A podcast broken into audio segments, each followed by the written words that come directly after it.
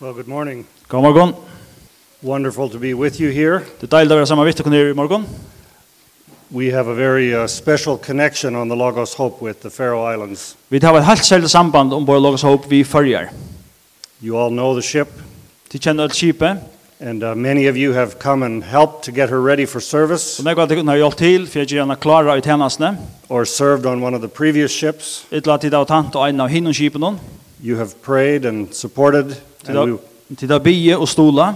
so, first of all, thank you very much. Så først av utlån, takk for det. It's a privilege to be, be a part of God's big family. Det er fremmedgjør at det er å være parster av Guds store familie. And wherever I go in the world, Og hver er en ferie i heimen noen. and I worship together with uh, people like you, it's, uh, it, it's being part of a family. Og er jeg møter eller tilbyr sammen med folk, folkene som, som åkken her, så er det alltid en, fyr- en, en fremmedgjør at. And that's a really wonderful thing. And in a special way, the Logos Hope represents that big family. Og det er fantastisk ting, og Lukas Håp ombar en særlig hatt til store familiene. We have over 50 nationalities living and working together on board. Halvtrus tjauer er ombar om, ombord av Lukas Håp, And that fact alone makes a big impact in the places we visit. og selv om det gjør bare te og seg selv om det gjør at gjør en stor avskan at det er støyene vid vidtja. And we're very grateful for the Faroese that come and serve with us. Vi ser takksomme for tarføringene som kommer og tjener ombord. My wife, uh, Patty, and I have served with the uh, ship ministry of OM for 34 years. Kona min Patti og jeg har vært tant i vår med i We bo- 30 years, 34. 34 år. We both uh, grew up on farms in Western Canada. Vi vok- vokste bare opp av en bøndagaren i Vester-Kanada, But we heard about Operation Mobilization, and so when we were 22 years old, we joined the Logos, the original Logos, Så Vi hørte om OM, um og vi hørte om Kipatjenestene, og vi får vår logos som tvei kjører gammel. and to our surprise, we found that uh, we could be useful as farmers on the ship Og with til our okkar iver, practical skills. iver, vi til okkar iverreiste, så funnet vi det av at okkar evner til arbeid praktisk kunne brukes når våre skipen. And uh, so we, it is just a tremendous joy for us to, to serve in this great ministry. Så det er en stor glede for okkar å kunne tjene og Jesu store tjeneste. We've raised four children on board. Vi har haft fyra bøten vi ombord. They were all born in different countries of the world as we traveled with the ship. Det er alt født i fyra imenskon London som vi har ferrast. And uh, now, for the last 15 years, I've been working uh, in the United States, helping to uh, build the team of people who financially support the ministry. Og for seneste 15 årene har vi arbeidt ut fra USA for at bygge opp et li av folkene som vilja stola tjenestene fortjellige. And it's a great blessing for me to be able to do that. Og det er en stor sikring for meg å kunne slippe å gjøre det. Because without many investors, it would not be possible Du- to Hvis jeg bring the ikke gospel with the ship. hvis jeg ikke hadde haft nekvar investorer, så hadde det ikke vært mulig at ha skipet tjenende og bære evangeliet ut leimen. So, today I want to speak with you about six financial words I dag får jeg ta seg til om seks år om fortjellige vidskifter. And these words uh, inform my work every day, Hese årene de, de mynda mot arbeid hver dag, and they're also words that all of us uh, should be attentive to. og til reisende år som vi eier, vi alt som eier kunne legge kunne gjemme. And the first word Det første året, is the word stewardship. det er å være hushaldare. We are called to be stewards or managers of what belongs ultimately to God. Vi eier, vi er sett til å være hushaldare av tog som er verleggende høyre til god. We are not owners of ourselves Vi eier ikke oss sjølve, or of the things that God entrusts to our care. Og heldigvis til det som god til å gi vi okken. We are stewards for Him. For det er hus, hansara hushaldare. In 1 Corinthians 4, verse 2, we read that, uh, Moreover, it is required of stewards that they be found faithful. Og i 4 Korintbrev 4.2 stender at hushaldaren skal være trosfaster. Luke 16, 11, Lukas 16.11 So if you have not been trustworthy in handling worldly wealth, who will trust you with true riches? Hvis det ikke har vært, vært trygg i at, at tega det kun er tilverslige, hvordan kan nekar luita verligt rujtdom i hensyn av tikkun? 1 Chronicles 29, verse 11 and 12, Fyrsta krønikebok, 22, 11 og 12. Yours, Lord, is the greatness and the power and the glory and the majesty and the splendor. I have to look that up. Okay. Yeah. First, First Chronicles 29, 11 and 12. Fyra krønlig bok. 29, og det var 11 og 12. Tøyn herre er størleidjen, måtteren, heieren og dården og hatiknen, ja, alt og himle og gjør. Tøyt herre er rujtje, og to syder høgt iver ødlon og hever alt og i valde tøynen. Rujtjedøme og, og heier kommer fra tær, og to ræver iver ødlon, og i håndtøyne er styrke og meie, og i håndtøyne stender tær, eh, at gjøre størst og størst kvært ut her så skal være. 1 Timothy 6, verse 17. 4 Timotheus er brev 6, Seidjan. Teach those who are rich in this world 4 Timotheus er brev 6, Seidjan.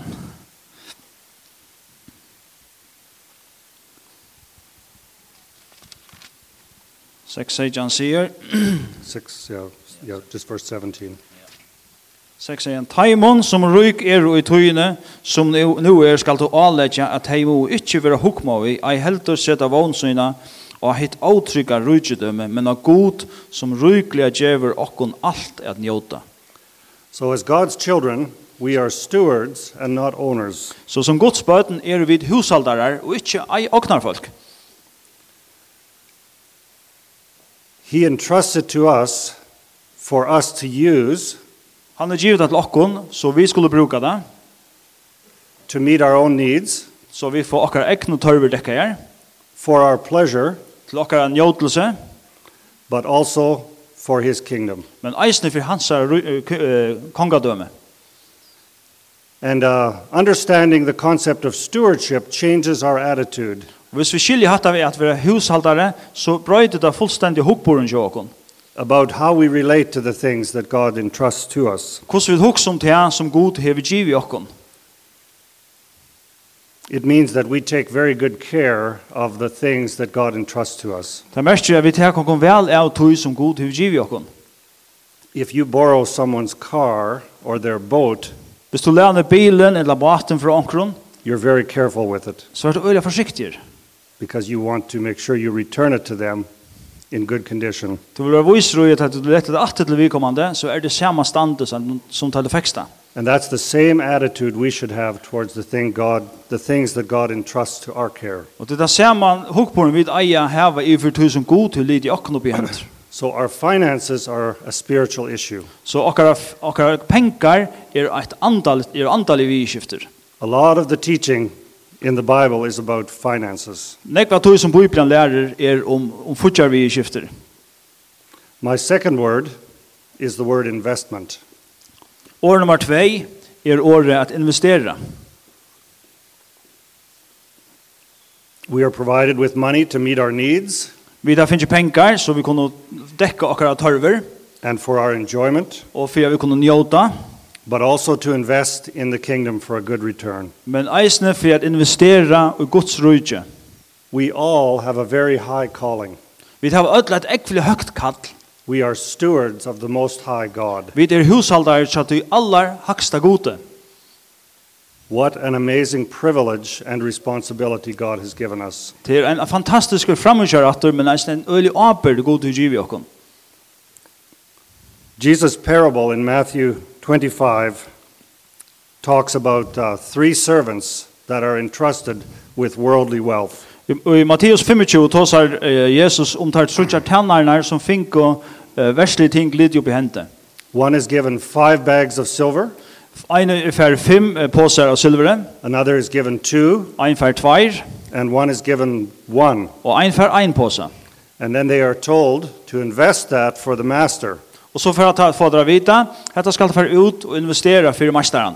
And we know, we remember from the story that when the master returned, the one who had been given five had invested it well. We and read that- gained five more. Vi vet at at ein ma- ein masteren fór av sted og kom atter, ta heit han som fekk fem påsar investera vel, og han kunde geva fem påsar og fem påsar av treat som han investera. And the one who had been given two also invested it and got a, he doubled the money and, and was able to return a good return to the master. Og han som hei tvær påsar investera i det vel, fordobla i det og kunde geva dubbelt snakk vatter til masteren sin. But the servant who was given just one bag of silver did not trust the master. Men han som fikk ein posa, han tjänaren hei ikkje avlida sunne mastara. He didn't really think that he was good. Han hugsa i at, at Harry Moin, han er ikkje verilig over. He perceived that his master was unjust. Han sier for seg sjølvan at mas- eh, Harry Moin, han er uh, oratviser. So he played it safe and buried that in the ground so that when the master returned, he would be able to give it back. Så han spalte på, han spalte på at trykka, gråta nyer, så la seg han kunne djeva honom posan atter da i Herren kom. Well, the master was not pleased with that servant when Har- he returned. Harry Hansen var ikkje nøgter vid det som han hei gjørst da han kom, da i Herren kom atter. There was no return on what he had entrusted. Det som han hei givet jo noen, han hei ikke fortjent oppa det. In Matthew 6, Matteus 6, Jesus says, Don't store up treasures here on earth where moth and rust destroy and where thieves break in and steal. Så sier Jesus, ikkje savna dykkan skatter her av hjørne, her som tjóar bråda inn og stjæla, og her som mølur og ruster, But, eh, kan store, jeg tortera der borster, ja. but store your treasures in heaven Savna dykkan skatter i himle, where moths and rust cannot destroy and where thieves do not break in and steal. her mølur og ruster ikkje noa, og tjóar ikkje kunna bråda inn og stjæla. Matthew 6:21 says, "Wherever your treasure is, there your heart will be also." Matteus 6, 21 sier at her som skatter du er, her er hjertet ut vi. So if you're investing in things of the kingdom, Så hvis du investerer i, i, i, i konga- kongarujje, Guds, Guds kongarujje, then your heart will be for things of the kingdom.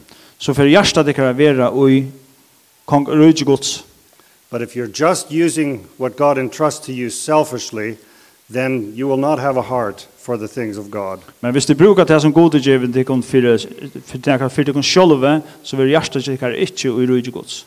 So when I go to people and offer them an opportunity to invest through the ship ministry in God's work, I do so with great joy because I'm offering them an opportunity. Så ta jeg færre rundt og bjóðu fólki að kunna investera og i skipa tjennastna, så gjer det vi stóra gleie til at det er en stóra møguleis til at fólki investera i rúgi gods. Like Paul said, not that I desire the gift, but I desire what will be credited to your account when you give the gift. Som Paulus sier, det er ikkje tog at det det er ikkje gavene som jeg vil heva, men det er ta sikningina som tid få få av at investera. Maybe you think I don't really have that much. Kanskje du også, jeg hev ikkje sånn ekv, It wouldn't make a difference. det gjer ongan mun, But never forget the widow's mite. men ongan til, øh, ongan til gløym hina, hina fatak og antjena. The poor widow who gave those two coins was pointed out by Jesus as having given the largest gift. Han fatak antjan som bara gav tvær pengar, Jesus peikar i henne som verlig at han som gav nekv. God sees our heart, and He Who- can do amazing things God ser okkara hjärsta og han kan gjøre otrolig ting. with our sacrificial gifts. Vi tar gav noen som vi djeva. We will be disciplined or rewarded for the things we do or don't do for God while on this earth. Vi er disiplinera i, etla vi får løn etter det som vi gjør, etter ikke gjør for god her jeg gjør. And I think the reward that will bring us the greatest joy in eternity is when we hear God say, Og det som vi trygger for å gjøre vår største glede i himmelen, er det for å høre god sida. Well done, my good and faithful servant. Vel, godt, godt, flott gjørst, min gode og trygg ved tjenere. You have been faithful in handling this small amount, so now I will give you many more responsibilities. To er vi trygg ved det små, så nå får jeg gjøre der store ting. Let's celebrate together. Lät oss kun eh, feira det saman.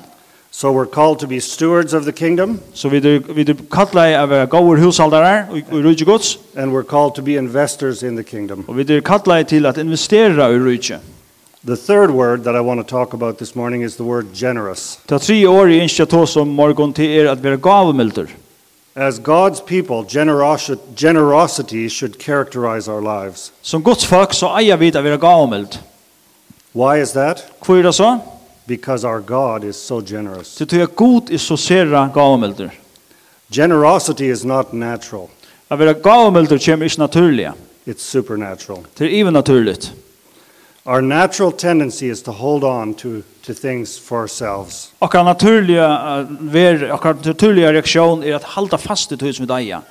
Our natural tendency is to play it safe. Akkurat naturliga er att spela på det, och på det säkra. We, we never know when we might need it. Vi har vi kör den när vi får bruk för det. But God is over the top generous. Men god han är iver alltså ja, over the top alltså ordentliga störliga gavmilder. His joy is to give. Hans eh, glädje är att släppa djeva. So much beauty God has created, Så när uh, när han verkligen som god har skapat. so much variety, Så när var när var forskjelligheter. way beyond just functional. Bär inte bara att det ska fungera längt om man för det. Think of the flowers, the stars, the seas. Hugg som hugg som blomstrene, hugg som stjärnorna, hugg som hö- havet. And then God gave what was most precious to him. Och så gav god till som var allar dyra bärst för han. For God so loved the world Det that så he älskar gave his Guds son. heimen att han gav son sin. That is the ultimate generosity. Det är han er ultimativa, eh det ultimativa gavmildne. Think of Jesus' first recorded miracle in the Bible. Hugg som till första um eh till, till första undret som Jesus gjorde som ständer i skriftene. At a wedding, they had run out of wine. Mitt i en brudloppe, och inte viner efter. And, and Jesus' first miracle was to make more wine for the wedding so that they could celebrate. Jesus, det første han gjør det var å gjøre mer av vin til brudloppet så de kunne feire det sammen.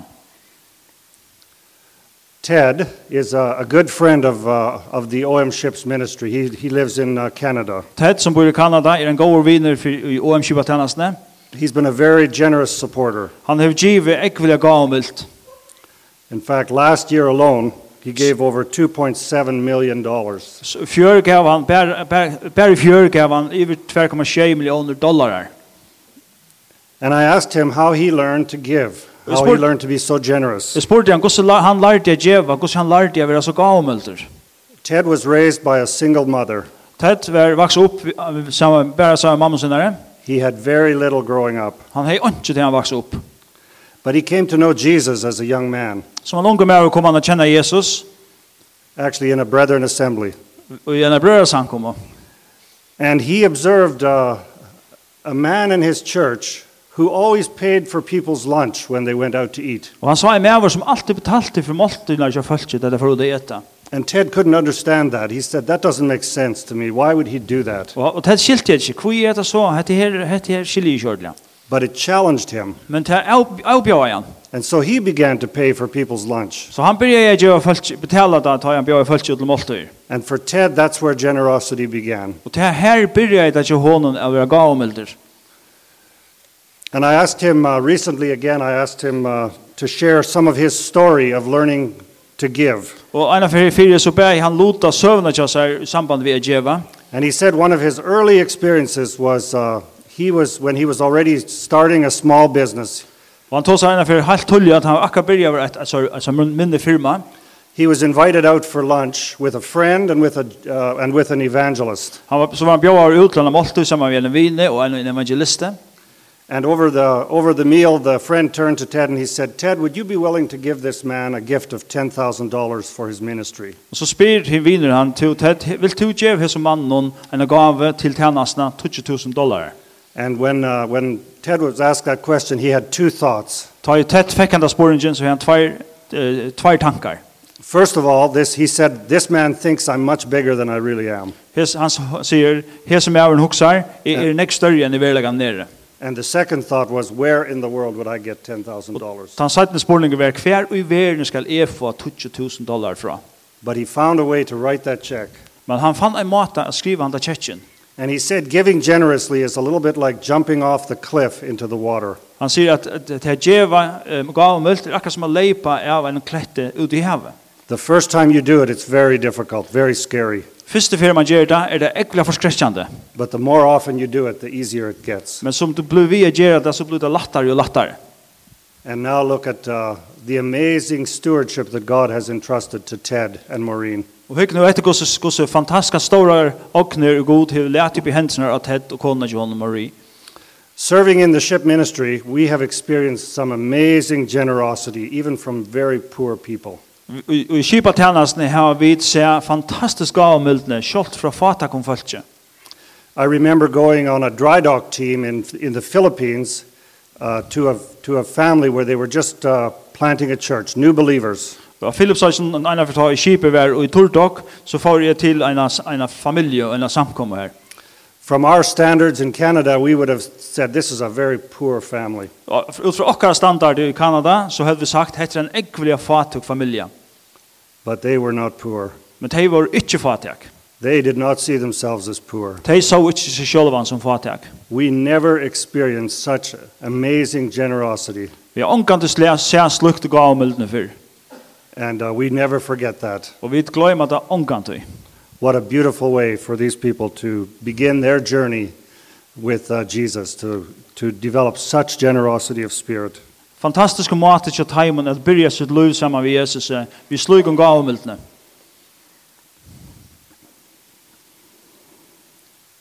Second Corinthians 9. Anna Korintbrev kapitel 9. Remember this a farmer who plants only a few seeds Ein minnes hettar at ein bønde som bæra pl eh, plantar nokre få så, will get a small crop, han fær ein- ein- eh, fær- fær luttlan avvøkst. but the one who plants generously Men will han, get a han, generous crop. men han som, som soar eh, eh, vi gav om milt, han fær stora avvøkst. You must decide in your heart how much to give. Du måst avgjøre i tunnen hjärsta hos nek du vil djeva. And don't give reluctantly or in response to pressure. Ikke djeva uh, trasklea og ytla, ytla vi, vi er noen motvilja. For God loves a person who gives cheerfully, Til god elskar en glean djevare. and God will generously provide all you need. Og god vil gav om milt syrja for ötlun tunnen torvun. And then you will always have everything you need and plenty left over to share with others. Allt det som to har bruk for det, og ma- en, en rikve til å lete andre få på seg av. As the scriptures say, they, they share freely and give generously to the poor. Som skriften sier, at de, de skjer, de, de djeva uh, vilja, og djeva lukavall til de fatak. So we are called to be stewards of the kingdom, Så vi kallar det er til å være gode hushaldar i rydgjegods, investors in the kingdom, uh, investe- eh, investorar i rydgjennom, and to have generous hearts. og at hava gavmelt hjärsta. My next word is the word authority. Nästa år som er, er autoriteter. What we do for God, we Yes. do with authority. Det som vi gjør for god, let oss gjøre det vi autoriteter. Jesus told his disciples, Jesus sier vi sine lærersveinar, I have been given all authority on heaven, in heaven and on earth. Mer er giv alt vald, allan autoritet og i himmelen og i gjør. Therefore, go. Færre tog. So, when we go with the gospel, we go with the authority given to us by Jesus. Så tar vi færre vi enge- evangelien, så færre vi vi autoriteten, vi valden, som Jesus sier. We go as Jesus, representing Jesus. Vi færre omboende Jesus. And that gives us the ability and the authority to do things we could never do otherwise. Og det gjør dere mølagen for å gjøre ting som vi annars slett i behøver skulle gjørst. Sometimes we don't remember the authority we've been given. Ofta så glemmer vi den autoriteten som vi blir litt noen opp i hentet. And as a result, we don't accomplish what we should. Og av det samme, så nå vi ikke de mål som vi eier nå. When we grasp this, Tar vi skilje etter, it makes us much bolder and courageous. så gjør dere nekmere djørv enn vi gjør framan undan. There are things we would never think of attempting, Det er ting som vi aldri hadde drømt om at rønt. but when we do them in the name of Jesus, Men tar vi gjør det i navnet Jesus her, we have an authority and power that is sufficient to accomplish it. så har vi et autoriteten som er nok til at mekna gjør det. We work under the highest authority. Vi arbeider under det haksta autoritet, det haksta valde. The next word Det neste året is another financial word. er eisen et sånt futjar år. It's a little different, and it is the word cost. Det er sin øvelse, og det er kostnaver. Counting the cost. At rokna kostnaden. I wanted to include this word because it's a, it's a, it's a word that we need to balance the message. Jeg vil gjerne nevne dette året til det skal tilfelle hva som man får rødt og jaunveien og i. Of course, cost is a word that has a wider context than just financial. Så om det kostnaver hever meir enn bare vi penger å gjøre. But when we are involved in, uh, in God's work Men tar vi det vi i godsarbeidet, here in the community, in the church, her og i samfunnet og i samkommende, or in the world, ytla kring heimen, there is a price to pay. There's a cost that we must count in doing that. Så er det en prøyser at betala til en kostnad som fylgjer vitt i. When uh, Jesus first sent the disciples out on their own, Ta Jesus sender lærersvennerne av sted for seg sjølvan, they were very excited to be able to go out and, and experience ministry for themselves without Jesus. He sent them out two by two. så var det var her øyla spent til å slippe prøve det sjølver. Det var sendt ut tveir og tveir. But then, after that experience, as they were traveling along, Men så at han var etter hese røntene som til fire av oss, they met someone else, and, and this person said, uh, Jesus, I will follow you wherever you go. så møtte der en som sier, Jesus, jeg vil fylgja der hvert av svenska færa. And, uh, and then someone else said, uh, Then Jesus said to someone else, Come, follow me. Og Jesus sier vi omkring annan, kom, fylg mer. But then the person said, No, no, just let me first take care of a few things, then I'll follow you. Så sier Jesus her, nei, til lykka noen ting skal ordne først, så skal jeg fylgja der. He said, Let me first say goodbye to my family and take care of things here at home. La meg lykka seg farvel av familierna og teka meg av vidskiften her heima først. But then Jesus said those words Anyone who puts his hand to the plow Så sier Jesus i årene at han som legger håndene og, og, og plønna i plekve, and looks back is not fit for the kingdom of God. og hikker atro, han er ikke egnar til rydgjegods. So there is a cost, there is a price to pay for being involved in the kingdom. Så det er en kostnad, det er en prøyser å betala over vi i rydgjegods. When we want to do great things for God, Vilja vi gjøre store ting for god, it will not all be easy, it will not be without cost. så blir det ikke alt latt, og det er ikke utan kostnad. And we often don't know what that cost will be, Og vi vet ofte ikke hva han kostnaden verer. and we can be very unprepared if we don't understand this. Og ofte så er vi fullstendig overfyrer reika i hvis vi ikke vet det heter. For the early disciples, it meant imprisonment and execution. For der første uh, lærersvennerne så betodde det at det ble kortere fangsle, og det ble avrattet. When we purchased the Logos Hope and began to get her ready for ministry, Da vi kjøpte Logos Hope og gjør denne klare til tjenestene, it was a lot more difficult than we ever anticipated. så var det nekk mer trupult enn vi nekrande hadde råkna vi. It took us seven years Det tok okken tjei år to prepare that ship to sail in ministry. at gjøre skipet klart til tjenestene. It almost finished us off. Det, det, det var nesten enden av okken. And not just financially, emotionally, and relationally. Ikke bare fortjellige, men eisende kjenslige og i okkara, inn, okkara samband i okkara innanhuses. And if you want to read more about the cost of bringing the gospel, then read 2 Corinthians chapter 6, where Paul talks about his hardships for the sake of the gospel. Vil jeg lese meira um om kostnaden, så leser jeg i Øren Korintbrev kapittel 6, hva Paulus um tåsar om hva det jo kostar honom. It's a pretty overwhelming list. Det er en ekvelig eh, staurer og ekvelig liste.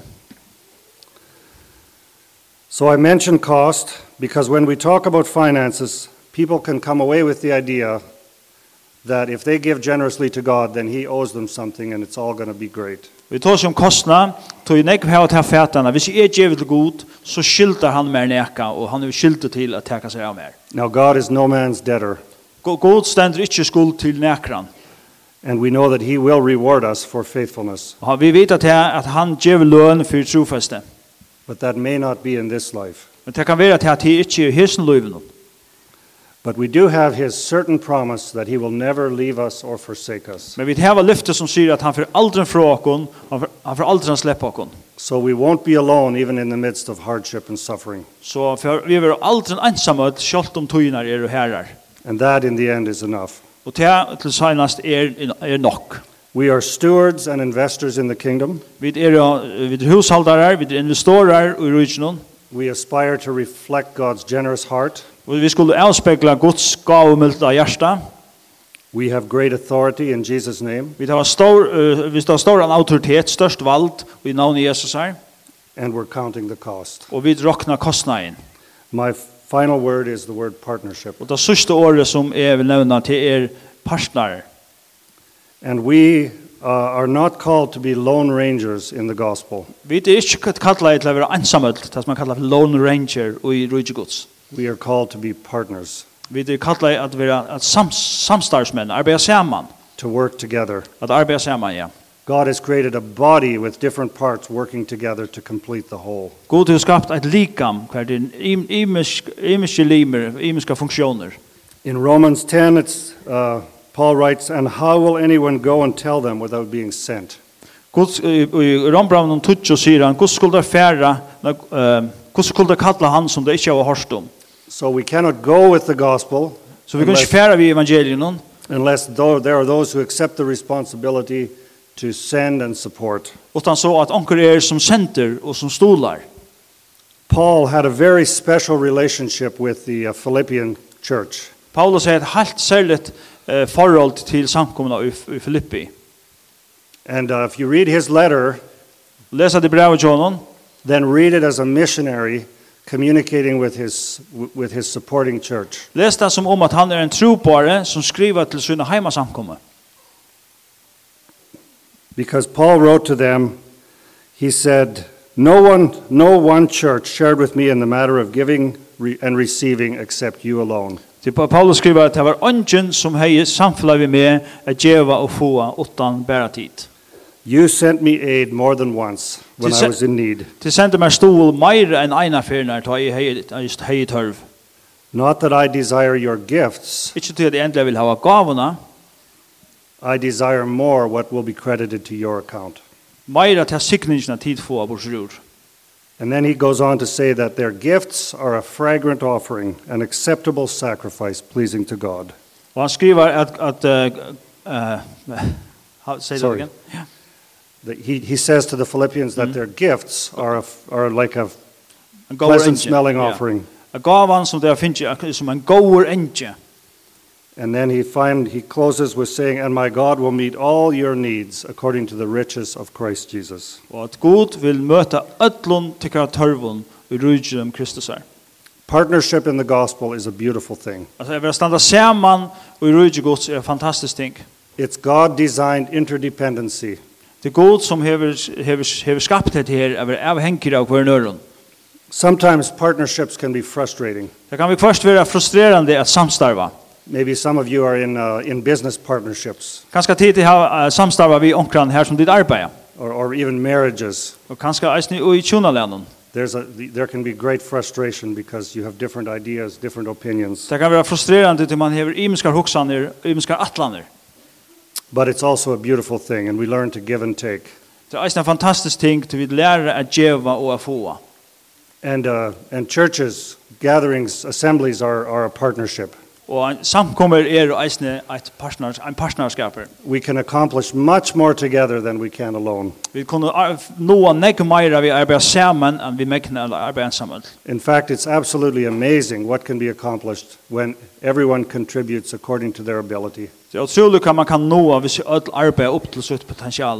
God does so much more through all of us than he could do through each of us individually. God arbeider så nekk meira vi at arbeider jokken noen ødel sammen enn jokken kvann anstegane av oss. So it's a beautiful partnership when we're each faithful in doing the part that we're called to do. Så det er fantastisk partnerskap, en partnerskap er ta og i ødel er trofast og gjør det som legger en kvar i hjert. So thank you for your partnership in the gospel. Takk for tikkara partnerskap og i evangelien.